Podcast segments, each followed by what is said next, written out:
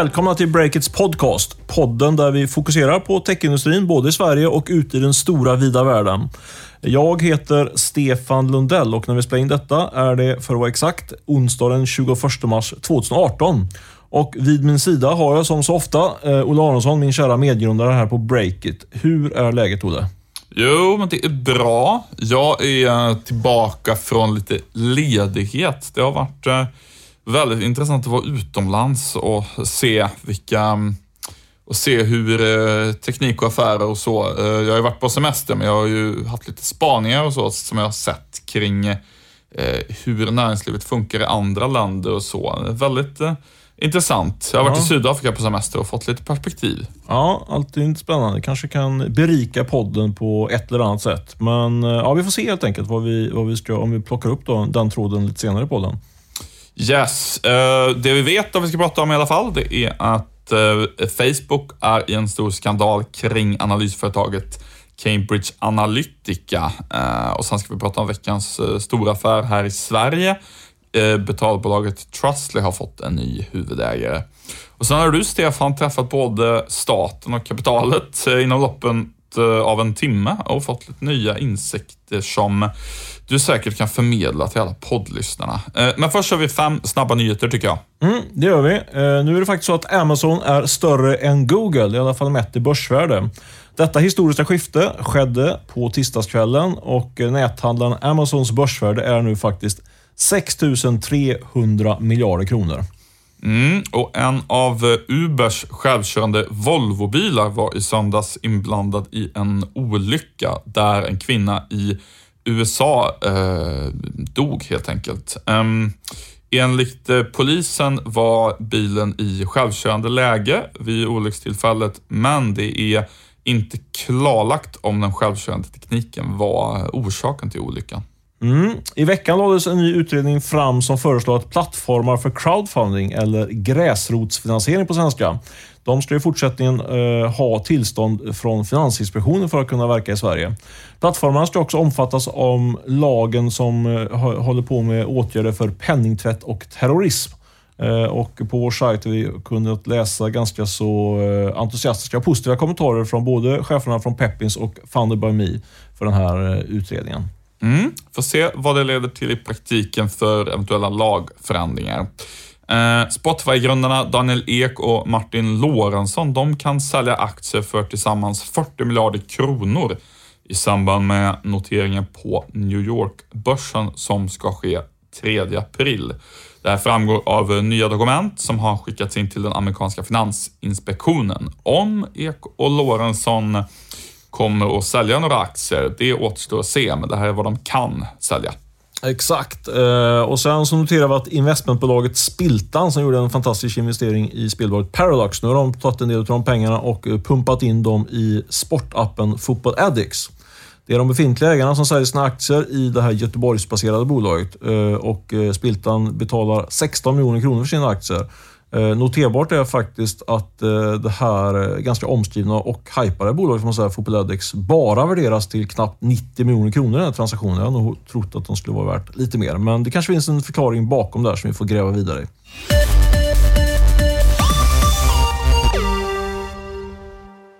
Breakits podcast sponsras av Rackfish, premiumleverantören av hosting och serverlösningar.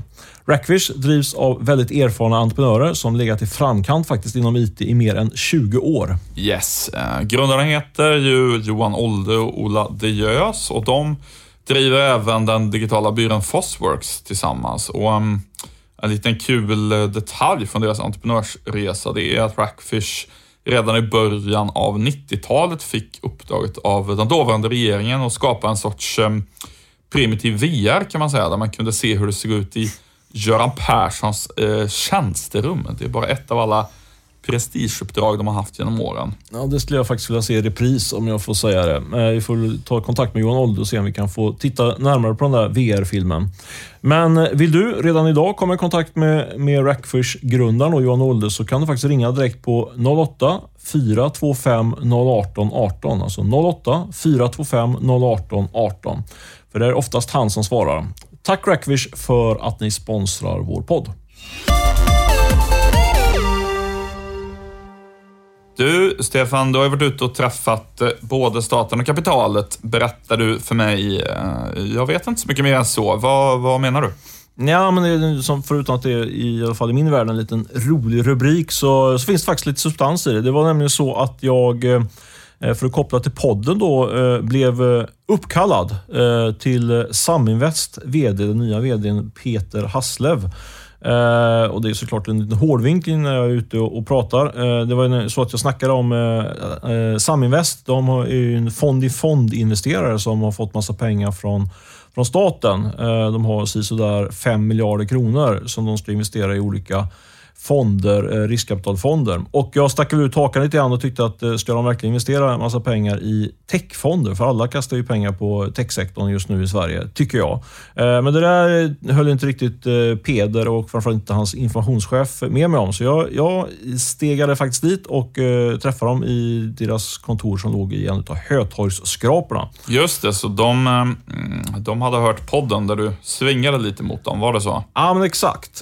Och då tvekar man ju inte såklart inte för att ta ett sånt möte. För det är alltid kul att få lite bredare bild. Eh, Vilken anmodan av staten. Ja, men lite så. Nej, men det var ju väldigt i all välmening från Peder och hans kollega. Men eh, det jag fick var en dragning där. Det som är intressant med, med Peder Hasslev, det är att han har en väldigt bra insyn. Han har jobbat drygt ett år på Saminvest.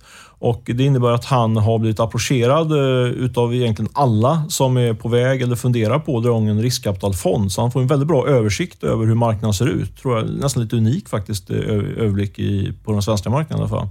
Just det, för att um, alla de här, ja, Crandum eller även nya aktörer eller så som vill bli techinvesterare, det, han är en sån som de tänker, han borde vi ju kunna få lite pengar från till vår nya fond. Mm. Ja, men det är hela idén egentligen att staten då ska vara med och som det heter, sam, alltså saminvest, saminvestera då tillsammans med, med andra aktörer i olika eh, riskkapitalfonder. Eh, och jag då, som sagt, raljerar lite grann att, eh, över, över den här nyheten som kom för ett par veckor sedan, att de hade investerat i bolag som hade fokus på tech. Då. Eh, jag tyckte att det finns för tillräckligt med pengar där. Men det, Peders eh, konklusion då efter de här 12 månadernas research, får man säga, är att det visst saknas faktiskt pengar även i, i techsektorn. Eh, om man då tittar i de här tidiga faserna, sådd och startup-fasen. alltså när det ska in någonstans mellan 1 och 10 miljoner kronor.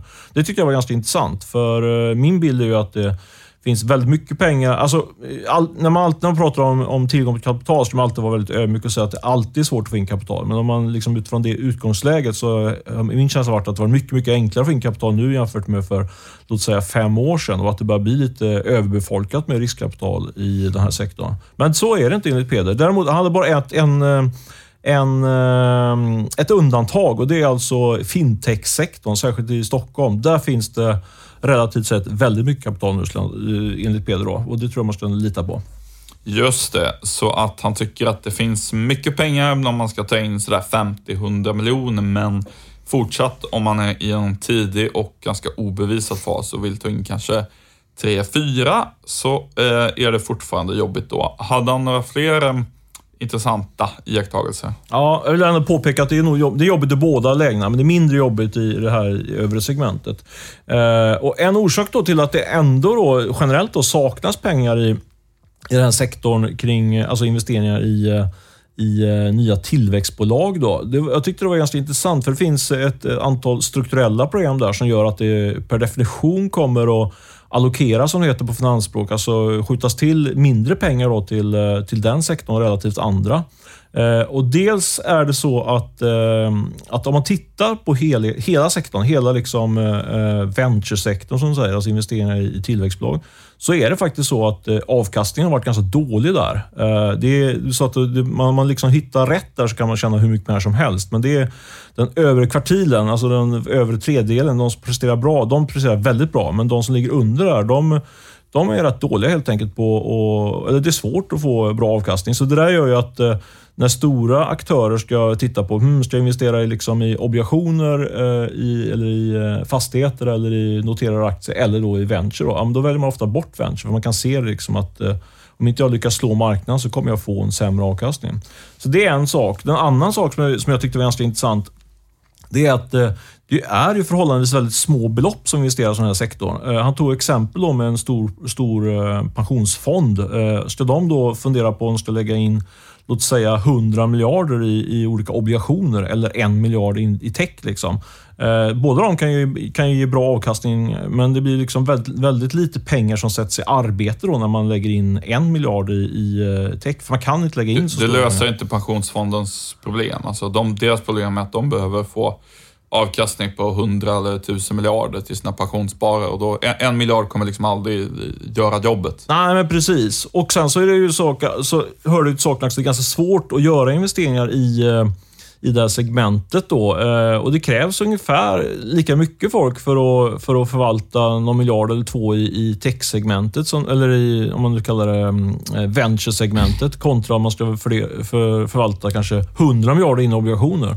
Så det blir liksom kostnaden blir, det kanske behövs 3-4 pers för att förvalta den där miljarden och så kanske det behövs 3 fyra pers för allt den där obligations... Eh, mm, 100 miljarder i obligationspengar. Då. Så det, det blir liksom per definition då en strukturellt jobbig sits då för, för folk som söker pengar i venturesektorn från, från de här aktörerna. Och, och det är väl därför som vi har ganska mycket mm, statlig inblandning fortfarande i, det är inte bara i Sverige utan även i Finland och så har man mycket statlig inblandning vad gäller just eh, investeringar i em, väldigt unga oprövade teknikbolag och Ja, men och så sådär. är det. Och det. Och det kan man ju absolut argumentera för att för, från ett, eh, ett liksom samhällsperspektiv så är det, är det ju eh, relevant, precis som vi bygger vä- järnvägar, liksom, att, att staten går in här.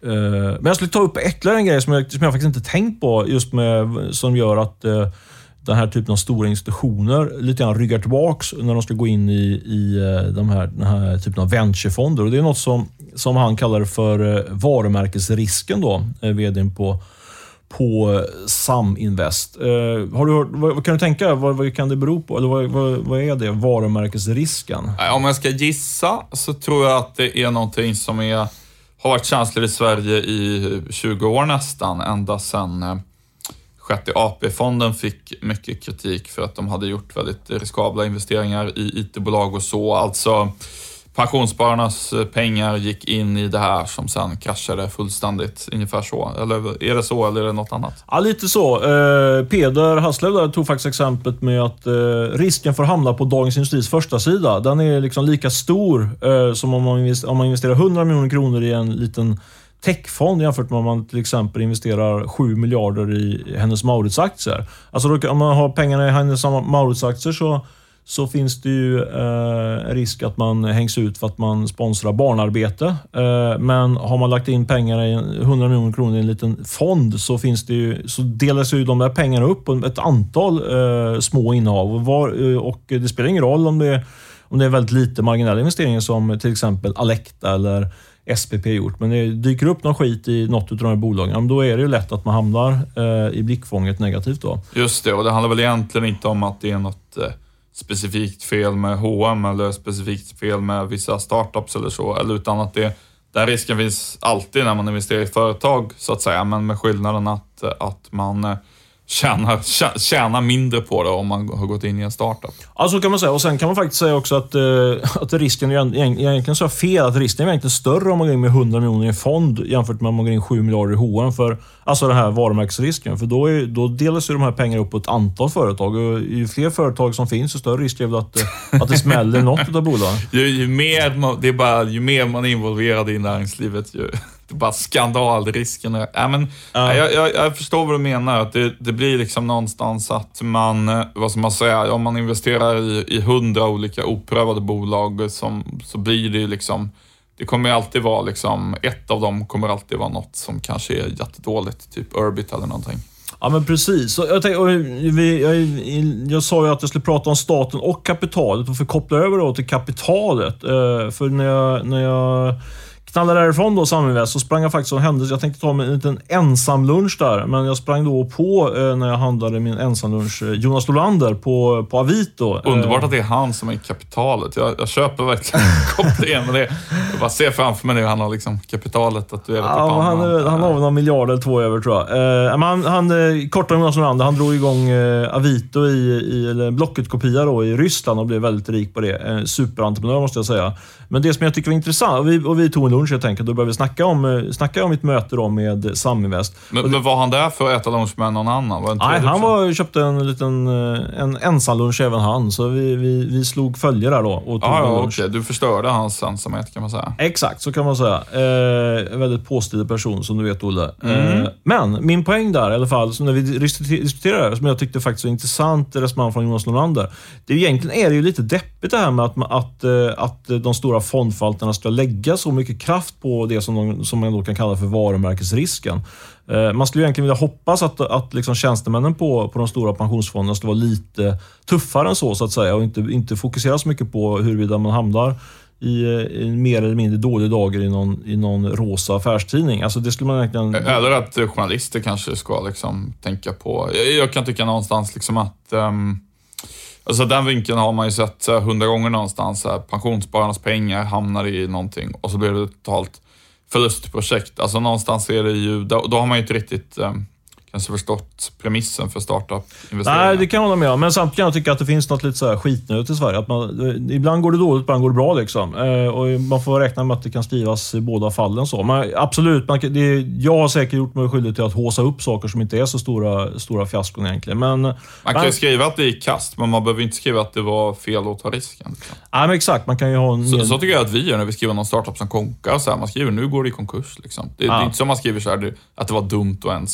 starta projektet. Ja, men så är det. Men jag tycker nog ändå att det skulle kunna behöva finnas en lite större... Eh, ja, men som Jonas Norander, Han är ganska avslappnad måste jag säga. Jag måste ge hatten av för honom. Uh, men, nu har han i och för sig typ bara varit positiva skrivit om honom. Vi får se om det blir negativt någon gång framöver. Men hur som helst, det var intressant att få hans take på det där också. Och såklart då när jag pratade vidare så försökte jag ju fiska om det var något nytt på gång eh, kring Jonas Norlander och hans kollega Filip Engelbert. Då. De har ju, har ju sålt stora, en stor del av sitt innehav av Vito och sitt, är ju en av de största investerarna, faktiskt privata investerarna i, i, Sverige nu i den här techsektorn. Då. Och eh, ja, då fick jag såklart en nyhet. Vad, vad då för någonting? Ja, väldigt sådär, sökt fråga, fråga för dig, men jag tänkte jag skulle få, få den reaktionen. Nej, men så här, de, har, de har gjort väldigt mycket såddinvesteringar. Alltså investeringar, låt, låt säga mellan 1 till 20 miljoner. Men nu, som Jonas säger, nu känner han att han har gjort sitt där lite grann. Det tar mycket tid eh, och kraft och han, de kommer göra lite större investeringar nu. Det är det de kommer fokusera på.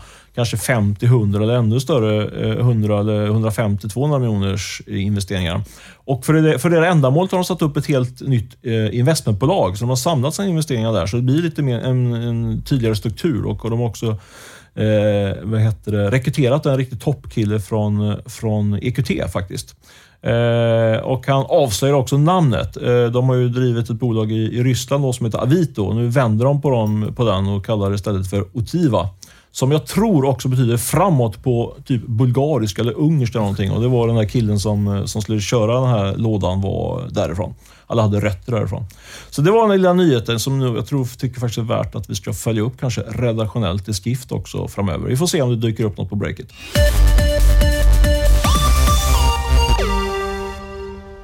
Breakers podd sponsras den här veckan av ABS Factoring. Ett bolag som inte låter sig begränsas av Sveriges gränser vad det gäller fakturafinansiering. Och Det är bra om du har en startup som expanderar utomlands eller planerar att göra det. detta. Mm. Eh, Urbanista och Sint, det är två svenska succébolag som använder ABS Factorings fakturafinansiering som eh, finansiell strategi när de etablerade sig utomlands. Och det har ju onekligen gått bra för de två. Det får man säga. Eh, klicka in på eh, www.absfactoring.se redan idag och se hur bolaget kan hjälpa dig att få en kontinuerlig skjuts till rörelsekapital, rörelsekapital ska jag säga, samtidigt som du slipper då tröga banklån eller att ta in mer externt kapital.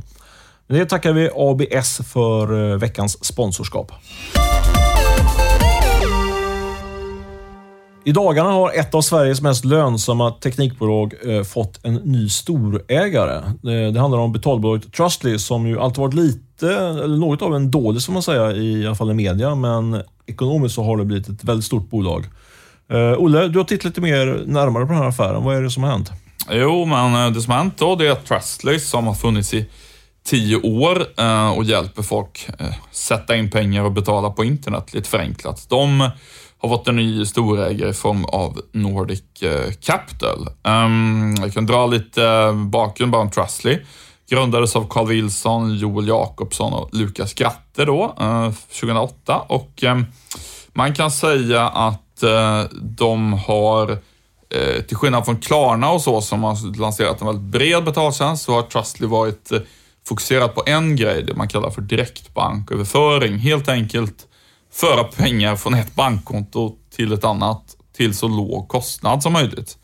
Eh, det är egentligen det de gör och det har gjort att de har fått mycket kunder som till exempel eh, nätkasinon, alltså när man sätter in pengar där för att spela bort. Eh, kanske säger någonting om varför grundarna konsekvent har vägrat göra intervjuer, att de skäms eller förväntar sig vad de tycker är oförtjänt kritik för att de har den typen av kunder kanske. Mm. Spekulation från min sida. Ja, men det tror jag nog inte är helt fel. Det är, det är ju lite kontroversiell verksamhet får man säga. Nu köps de då upp då av det svenska riskkapitalbolaget Nordic Capital, ett av de största, en av de största spelarna i, i Norden när det gäller riskkapital. De har eh, en hel del pengar i, i, eh, på banken. Enligt uppgift till eh, brittiska Financial Times så när de köper då Nordic Capital, en majoritet av bolaget, eh, så värderas Trustly, hela Trustly till cirka 7 miljarder kronor. Det är väldigt mycket pengar. Är det, kan det stämma verkligen? Ja, det, är, det var mer än vad jag hade väntat mig måste jag säga. Jag fick ju faktiskt ett eh, väldigt bra tips om att den här affären var på gång Eh, men sen åkte jag semester innan jag hade lyckats få det bekräftat. Jag, jag försökte få det bekräftat faktiskt. det vet du nog inte ens om, men eh, jag fick vaga indicier på att det skulle... Men sen när jag ställde mer frågor så tyckte jag det var för vagt för att gå vidare på det. Men din käll, ursprungskälla hade ju helt rätt uppenbarligen. Ja, verkligen. Nej, men jag gjorde, då var jag ungefär lika oframgångsrik slash oframgångsrik som du då. När jag försökte få det bekräftat också före semestern. Där. Ja, det är lite surt att man inte spräckte den nyheten först, men i vart fall så... Eh, jo, så här. Jag hade ju inte väntat mig en så hög värdering som den som Financial Times skriver om, utan Snarare kanske hälften av det. Eh, uh, Trustly är ett fantastiskt framgångsrikt företag rent ekonomiskt. Omsättningen eh, är, var enligt de senast kända siffrorna över 300 miljoner kronor, men det som sticker ut är ju att vinsten um, nu eh, enligt det senast kända bokslutet var den uh, över 90 miljoner. Den är säkert över 100 miljoner i vinst nu då. Um, och det är ju jättemycket uh, och får en att fundera på um, hur det ska gå för till exempel en, en branschkollega i betalbranschen, iSettle. Eh, men, men, om vi bara stannar där, bara, för vi pratat lite kring värdering och så. Eh, det är ju jätteotroliga siffror såklart att göra, mm. ha den lönsamheten, men, men ändå så måste man ju säga att det är väldigt hög multipel då, på 7 miljarder på, på en vinst på 100 miljoner. Ja, och även om det är 200 miljoner i, i vinst ja. så, så, är det ju väldigt mycket. Absolut. Nej, så är det verkligen. Men, men det jag tänkte på iSettle i alla fall, det var ju att um, de siktar enligt uppgift på en eh, börsnotering med en värdering runt kanske 8 miljarder kronor. Mm. Och då ska man komma ihåg att um, nu har det då skett en färsk transaktion i ett digitalt betalbolag där Trustly har då enligt uppgift till Financial Times värderats till 7 miljarder nu, eh, men då är ju de jättelönsamma sedan långt tillbaka. Det, man har ju svårt att se då hur Izettle ska kunna få en, en högre värdering än, än så. Men ty, du, du kan ju verkligen det här med fintech mycket bättre än mig. Alltså kan man, kan man jäm, är de, det är inte äpplen och päron liksom, utan de är hyggligt jämförbara de här två bolagen. Alltså jag tycker att de är äpplen och päron i den meningen att liksom de, de, de är ju väldigt olika sorters betalbolag, så att säga. Så det ska man ju komma ihåg att Trustly är ju det här direktbanköverföringstjänsten och iSettle har massa kortterminaler och kunder i Brasilien och det, det finns massa skillnader på så vis så att säga. Men, eh, men det, det innebär ju liksom inte att eh, jag kan inte se den skillnaden så tydligt vad gäller vilken värdering bolagen ska ha. Är du med? Mm. Så att verksamheterna är väldigt olika och på så vis är det äpplen och päron.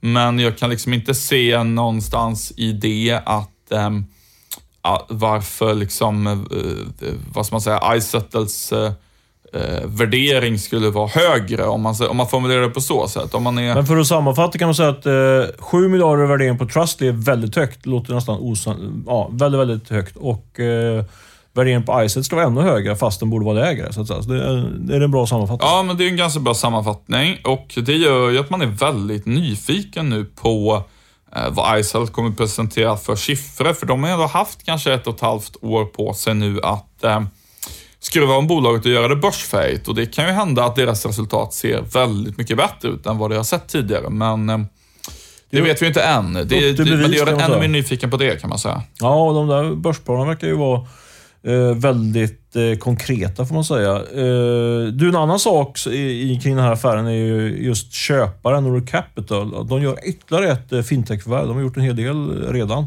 Ja, eh, det där är ju intressant tycker jag. Eh, Nordic Capital, de eh, fick ju mer smak när de sålde Bambura, ett annat betalföretag och gjorde en väldigt fin affär där.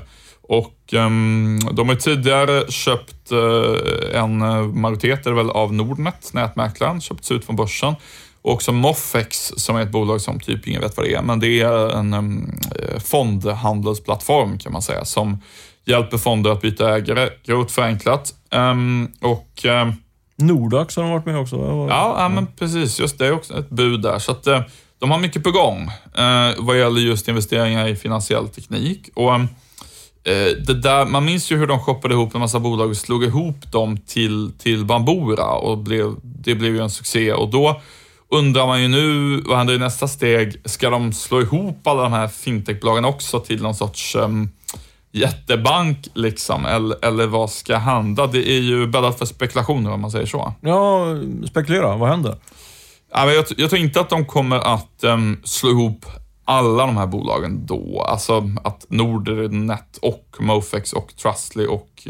Ja, det var, jag tror inte att det blir liksom ett jättebolag. Det tror jag blir för, för dåligt. Eh, eh Nordnet och Trustly har ju ett eh, samarbete idag där man kan använda Trustly för att sätta in pengar på sitt Nordnet-konto. kan man även hos Avanza för övrigt. Eh, men eh, det tror jag liksom räcker. Däremot så tror jag att var och en av de här delarna, Trustly inom betalningar, Nordnet inom sparande, eh, Nordax inom eh, nischbank, eh, Moffex och så vidare.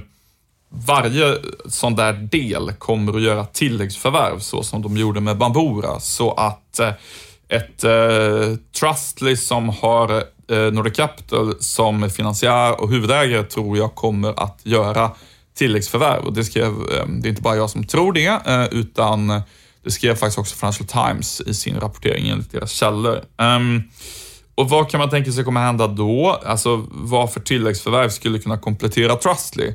Och då om man tittar här i Sverige så tycker väl jag att eh, Betalo och Transfer Galaxy är de mest logiska uppstartsbolagen att passa in där. De, eh, deras verksamhet handlar ju egentligen också båda två om att flytta pengar mellan två bankkonton så billigt som möjligt. Det är liksom inte det här med kort och faktura, den betalgrejen som till exempel Klarna eller Izettle ägnar sig åt, utan flytta mellan två bankkonton. Um, och uh, Trustly är ju aktiva i massa olika länder och så, vilket ju och um, både Betala och Transfer Galaxy handlar ju om att föra över pengar mellan olika länder. Så att, så att det där, ehm, det är väl de två mest uppenbara uppköpskandidaterna och det är ju nog också inte sådär jätteotroligt att ehm, Nordic Capital redan liksom har haft lite indikativa möten med massa andra fintech-startups. Det vet jag från folk på stan så att de, de är liksom en sån investerare som senaste året har bokat mycket möten med folk och varit ute och snackat och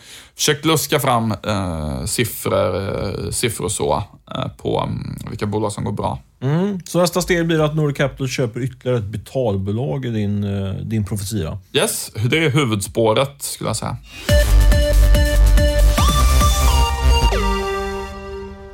Swedbank och Sparbanken är tillbaka som sponsor av podden den här veckan och de vill prata om pension och egenföretagande. Precis. Är du egenföretagare så ligger ju allt ansvar på dig själv vad gäller pensionen. Men det finns några stalltips eh, för att din eh, framtida pension ska bli så bra som möjligt. Och ett av de viktigaste, det är att så gott man kan försöka ta ut en marknadsmässig lön och inte bara ersättning i form av utdelning. Mm, det finns fler fördelar med att, eh, flera fördelar med att ta ut lön än att man får allmän pension. Man får ju också rätt till sjukpenning, sjukersättning och föräldrapenning. Dessutom är pensionssparandet avdragsgillt för företagare, så glöm inte att använda den möjligheten om du har chansen. Nej, det ska man komma ihåg. Och vill du veta mer om detta och hur du skaffar dig mer trygghet som företagare, då ska du klicka in dig på www.swedbank.se trygga företag, alltså F-O-R-E. TAG på slutet. Där kan du läsa mer om det här. Eh, tack Swedbank och Sparbankerna för att ni sponsrar podden. Facebook har ju verkligen varit på alla släppar eh, de senaste dagarna i media och även tycker jag lite grann i eh, samtalen i kaffe, kaffestugorna, säga, kafferummen. Säger man så? Ja, fikabordet. Fika, runt fikaborden, precis. Eh, kafferummen. Det är vad, vad, vad pratar svenskarna om vid fikaborden? Det är Cambridge Analytica. Ja, men faktiskt. faktiskt. Eller jag vet inte om folk har lärt sig just det ordet, eh, just det bolaget Cambridge Analytica. Men, eh, men eh, det är ju de som är i centrum, eller de som har utlöst den här skandalen, får man säga. Cambridge Analytica, som då har använt Facebook-data i Trumps presidentkampanj bland annat. Det kommer nya saker i den här härvan egentligen varje timme nu känns det som. Men Olle, du kan väl berätta lite grann statusen, vad som är uppdaterat och klart just nu? Ja, um, det är eh, väldigt... Eh, jag rekommenderar verkligen alla att läsa på om det här för att till skillnad från de tidigare skandaler som har varit kring sociala medier-företag ehm, så är det väl inte riktigt kanske en enskild grej som är, eh, som är det allvarliga. Tidigare har man ju till exempel kunnat avslöja att det har gått att använda rasistiska nyckelord, typ judehatare och sånt, eh, när man har riktat annonsering i sociala medier. Och eh, då har det ju varit väldigt tydligt att eh, det här är fel, det här måste upphöra. Här eh, behöver man researcha lite mer än så för att förstå omfattningen, för det handlar kanske inte om ett enskilt, ehm, en enskild händelse eller så, utan mer om en om en bredare kultur kan man säga. Till att börja med då, Cambridge Analytica är inte vilket analysföretag som helst som hjälper folk med att rikta Facebook-annonser. Det finns ju massa sådana och det är inget fel på dem. Men det här är alltså ett företag som har finansierats eh, till största delen av eh, Mercer-familjen som är en av de absolut största donatorerna till eh, Republikanska partiet i USA. Och dessutom av Steve Bannon som ju är inte bara grundare till den väldigt populistiska sajten Breitbart utan också var ju chefstrateg i Trump-administrationen fram tills relativt nyligen. Ehm, så att finansiörerna bakom det här är liksom inte några vanliga glada entreprenörer. Eh, och eh, skandalen börjar egentligen 2014 när eh, researchers vid Cambridge Analytica helt enkelt fråga Facebook-användare, gör ett personlighetstest och det här skedde då under förespegling av att det skulle användas till forskning. Ehm, men i själva verket så när man gjorde det här ehm, personlighetstestet, då gav man då utan att veta om det, eh, det bolaget tillåtelse att hämta eh, privat information om dig själv och dina vänner. Um, och Det här var alltså återigen då någonting som ingen användare liksom hade någon aning om hur det skulle användas, utan det var, det här är ett personlighetstest som ska användas till forskning helt enkelt.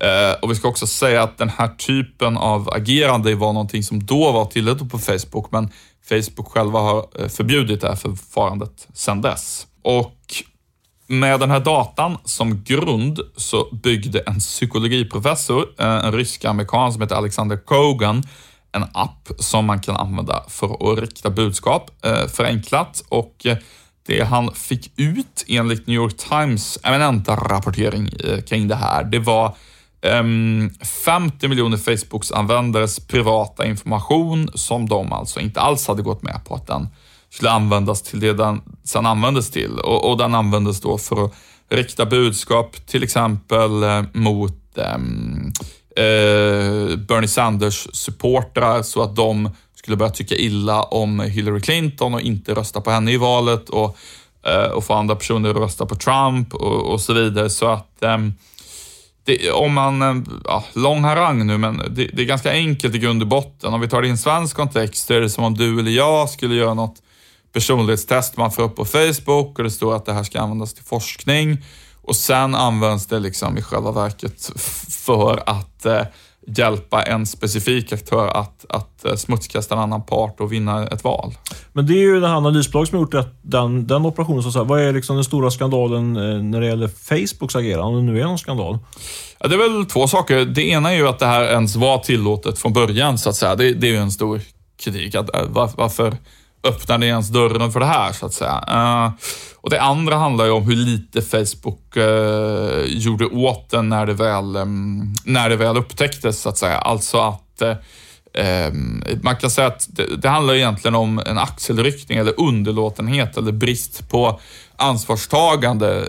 kritiken handlar väl i princip om att när Facebook upptäckte det här så borde de ha gjort en massa åtgärder för att hindra att, eh, så att det inte kan hända igen och eh, liksom att de hade kunnat ta till eh, juridiska åtgärder mot Cambridge Analytica om att eh, ja, stämma dem till döds, som, som en person jag, jag, jag pratade med sa. Att eh, det, det, här är ju någonting som, mm, om man hade tyckt, om Facebook hade tyckt att oj vad allvarligt att Cambridge, det är att Cambridge Analytica gör det här och använde det för politiska syften, då hade de ju inte bara låtit det bero och säga jaha, det här är inget vi kan göra åt nu. Det är väl i grund och botten skulle jag säga att det är den underlåtenheten och eh, till synes axelryckningen som är det som många tycker är en stor skandal.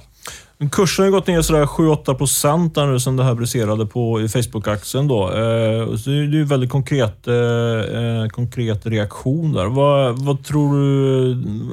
Det, kommer det att blåsa över eller är det någonting som kommer bli, kommer det bli, bli någonting som på allvar liksom skakar om Facebook även på lite sikt?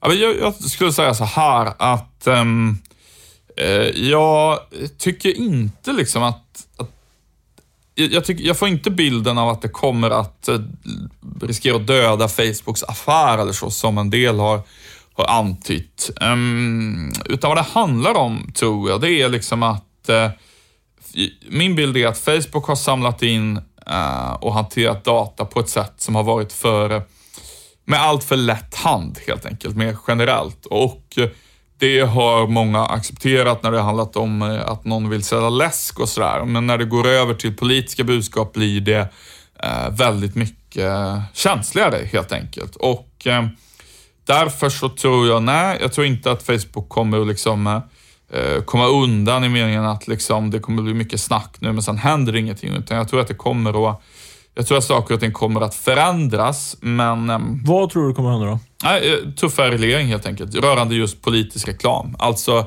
eh, det här som vi tidigare pratat om egentligen. Alltså mm, att eh, den som annonserar med politiska syften kommer att tvingas redovisa det mycket tydligare och vilka annonser är politiska, vilka är det inte och vad kan man som myndighet kunde in granska dem och vem har finansierat dem. Så som det funkar med tv-reklam i USA till exempel.